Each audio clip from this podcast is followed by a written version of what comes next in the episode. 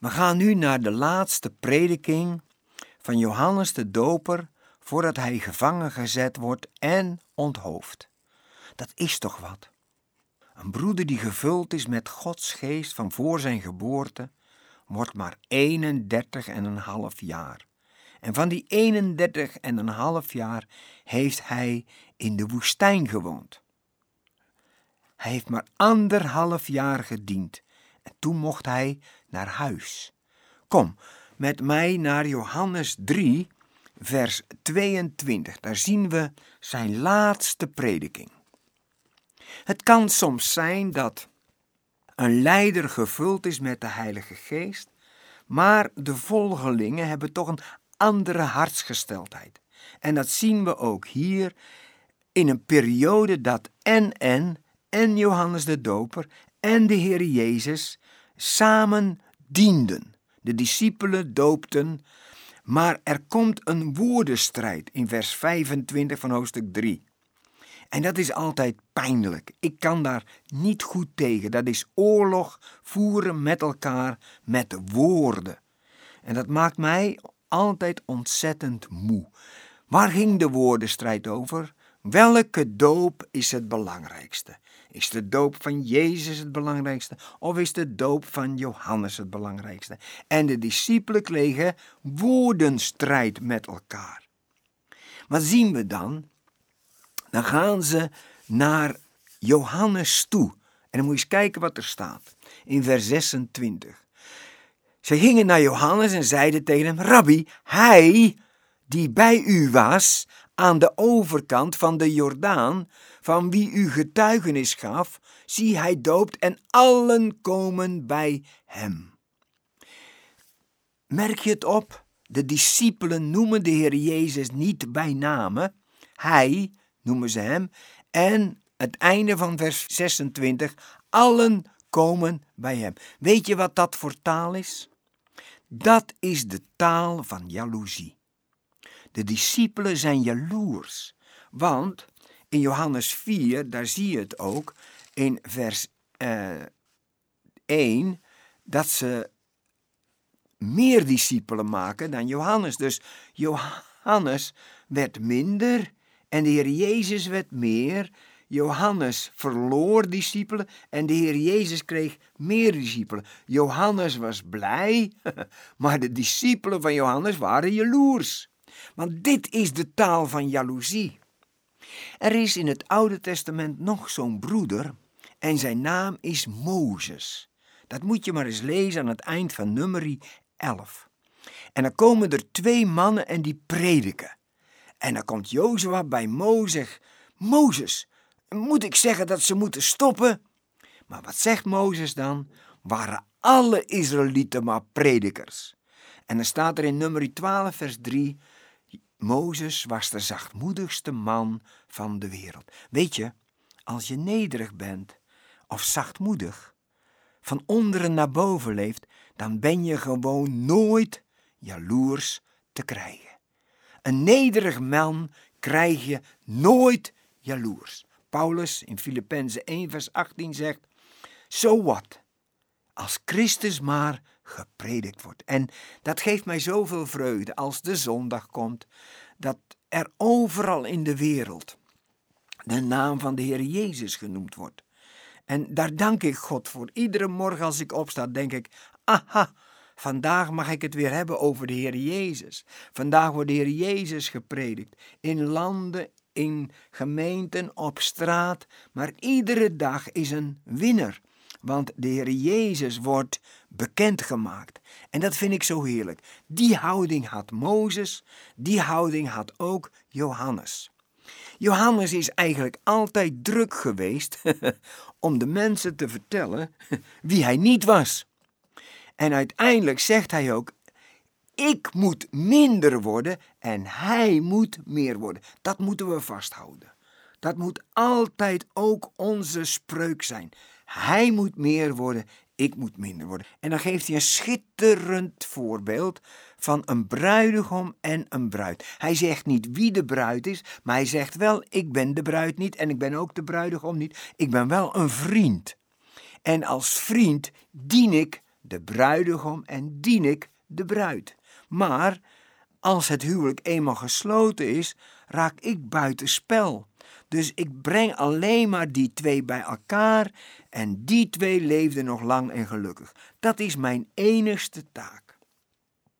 Daarna geeft hij vijf voorbeelden waarom Jezus meer is dan hij. En dat is zo belangrijk.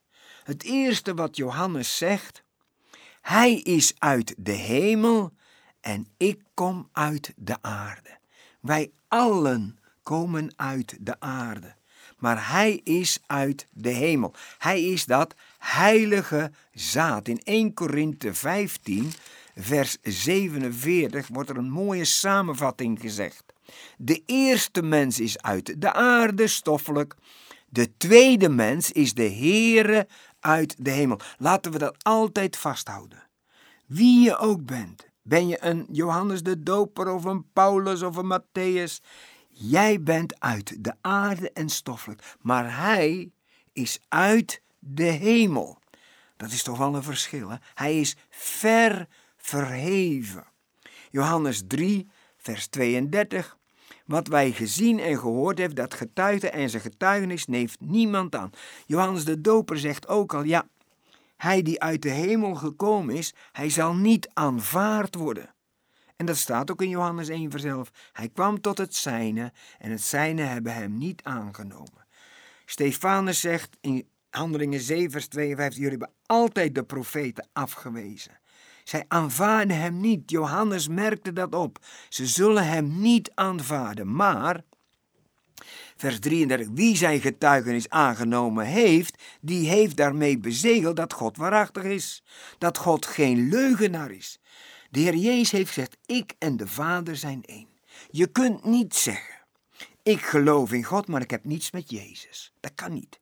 Want als je niets met Jezus hebt, dan heb je ook niets met de Vader. Want die twee zijn één. De Heer Jezus is het zichtbare beeld van de onzichtbare God. En als je de Heer Jezus omhelst, dan zeg je: God is geen leugenaar. Hij is waarachtig, want hij heeft altijd door de schriften heen over hem gesproken en geschreven. En dan het derde punt is: God geeft hem de geest zonder maat. Alles van God was in Jezus. Alles van God was in Jezus. Johannes werd in de gevangenis, uh, uh, ging hij zich zorgen maken, ging hij twijfelen. Maar de Heer Jezus heeft constant zijn vader gehoorzaamd. De Heilige Geest had vrij baan om door hem heen te leven. En hij is ook de schepper en het laatste is dan een uitnodiging, een evangelieprediking. Dit zijn de laatste woorden van Johannes de Doper. Wie in de Zoon gelooft, heeft eeuwig leven, maar wie de Zoon ongehoorzaam is, zal het leven niet zien, maar de toren van God blijft op hem.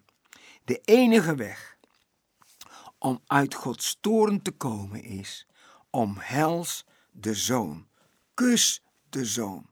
Dan ontvang je vrede met God. Johannes de Doper was gevuld met de geest van God. En als je gevuld bent met de geest van God, dan vrees je God, maar niet mensen.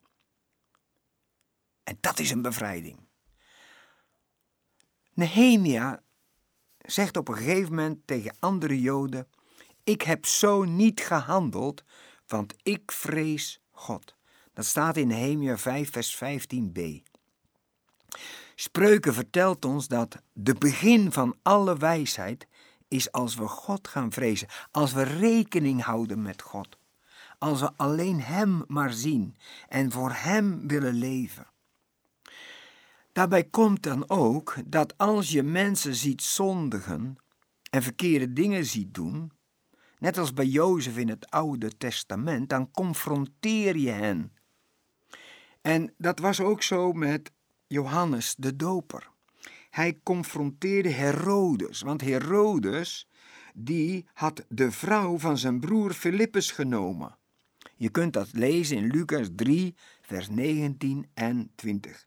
Kijk, als je leeft gevuld met Gods geest, dan stop je mensen te behagen, want je leeft alleen maar voor Hem. En als je alleen maar voor Hem leeft, worden mensen kleiner. En vertel je niet wat mensen willen horen, maar vertel je wat mensen moeten horen. En hij verlangde dat deze Herodes tot bekering kwam, want dat was zijn boodschap. Hij riep steeds in die woestijn: bekeer je, bekeer je soldaten, bekeer je schriftgeleerden, bekeer je mensen, want zonder bekering uh, geen verlossing. Keer je af van je afgoden, keer je af van je zonde en keer je tot de levende God. En dat wil je goed doen voor de rest van de eeuwigheid. Dus hij had die Herodes geconfronteerd, hopende dat Herodes zich zou bekeren. Maar zoals de zon een effect heeft op de boter die zacht wordt, heeft de zon ook een effect op de klei die hard wordt. En Herodes en zijn vrouw, die hadden zich verhard en hun macht gebruikt om Johannes gevangen te nemen. In die gevangenis heeft Johannes een strijd. Opeens knaagt de twijfel in zijn hart. Luisteraars, mocht er twijfel zijn in je hart, ga dan direct naar de Heer Jezus toe. Hij kon niet gaan, maar hij stuurt wel zijn discipelen. En als hij zijn discipelen gestuurd heeft, zegt de Heer Jezus: De blinden worden ziende, de doven worden horende en de doden worden opgewekt.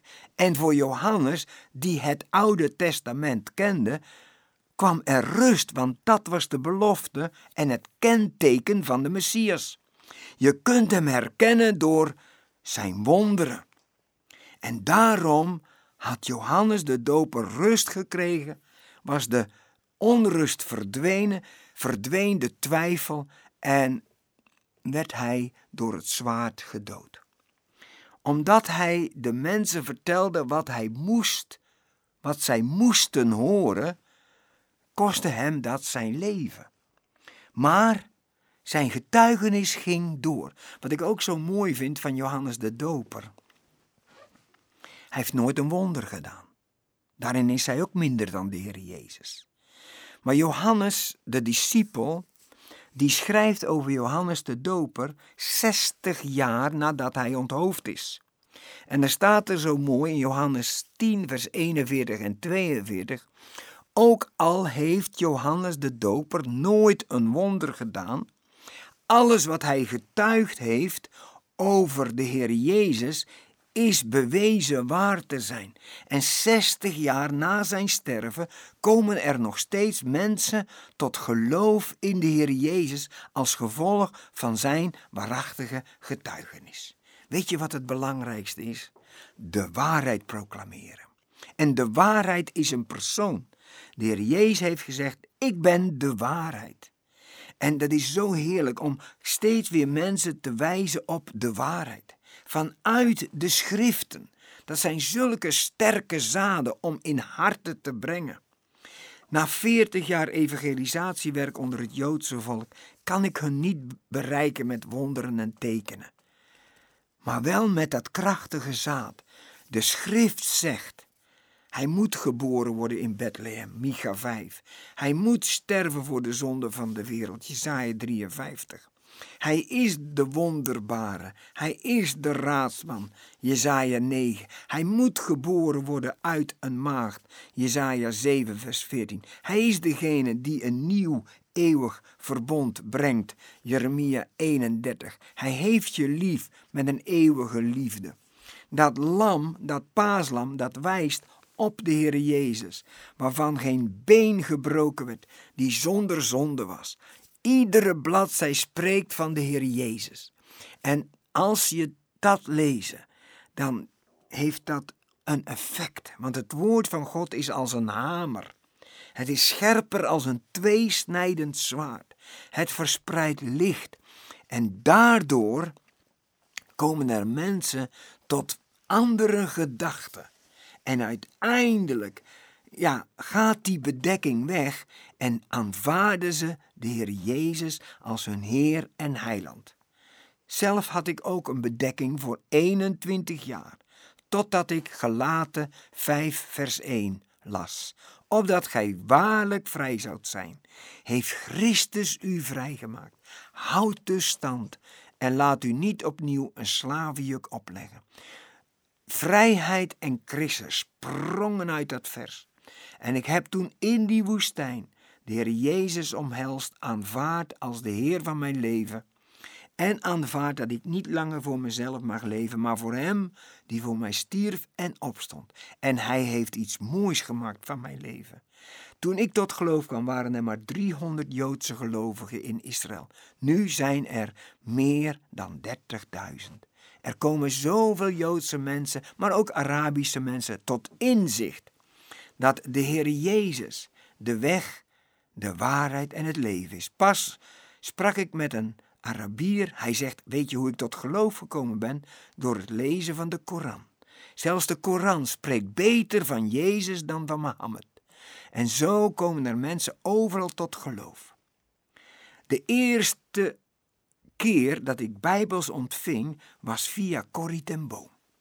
Zij is al lang gestorven, maar haar invloed gaat nog steeds door. Via het Bijbelgenootschap van Duitsland had zij Bijbels gestuurd naar Eilat. En toen ik al die dozen met Bijbels zag en hoorde dat ze van Corrie ten Boom kwamen, dacht ik bij mezelf: Het zaad gaat door. In het zaad is het leven.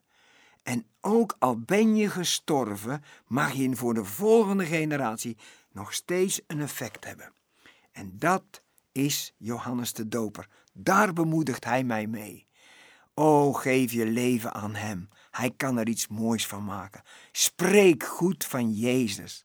Het zal op Gods tijd, zal het zaad tevoorschijn komen.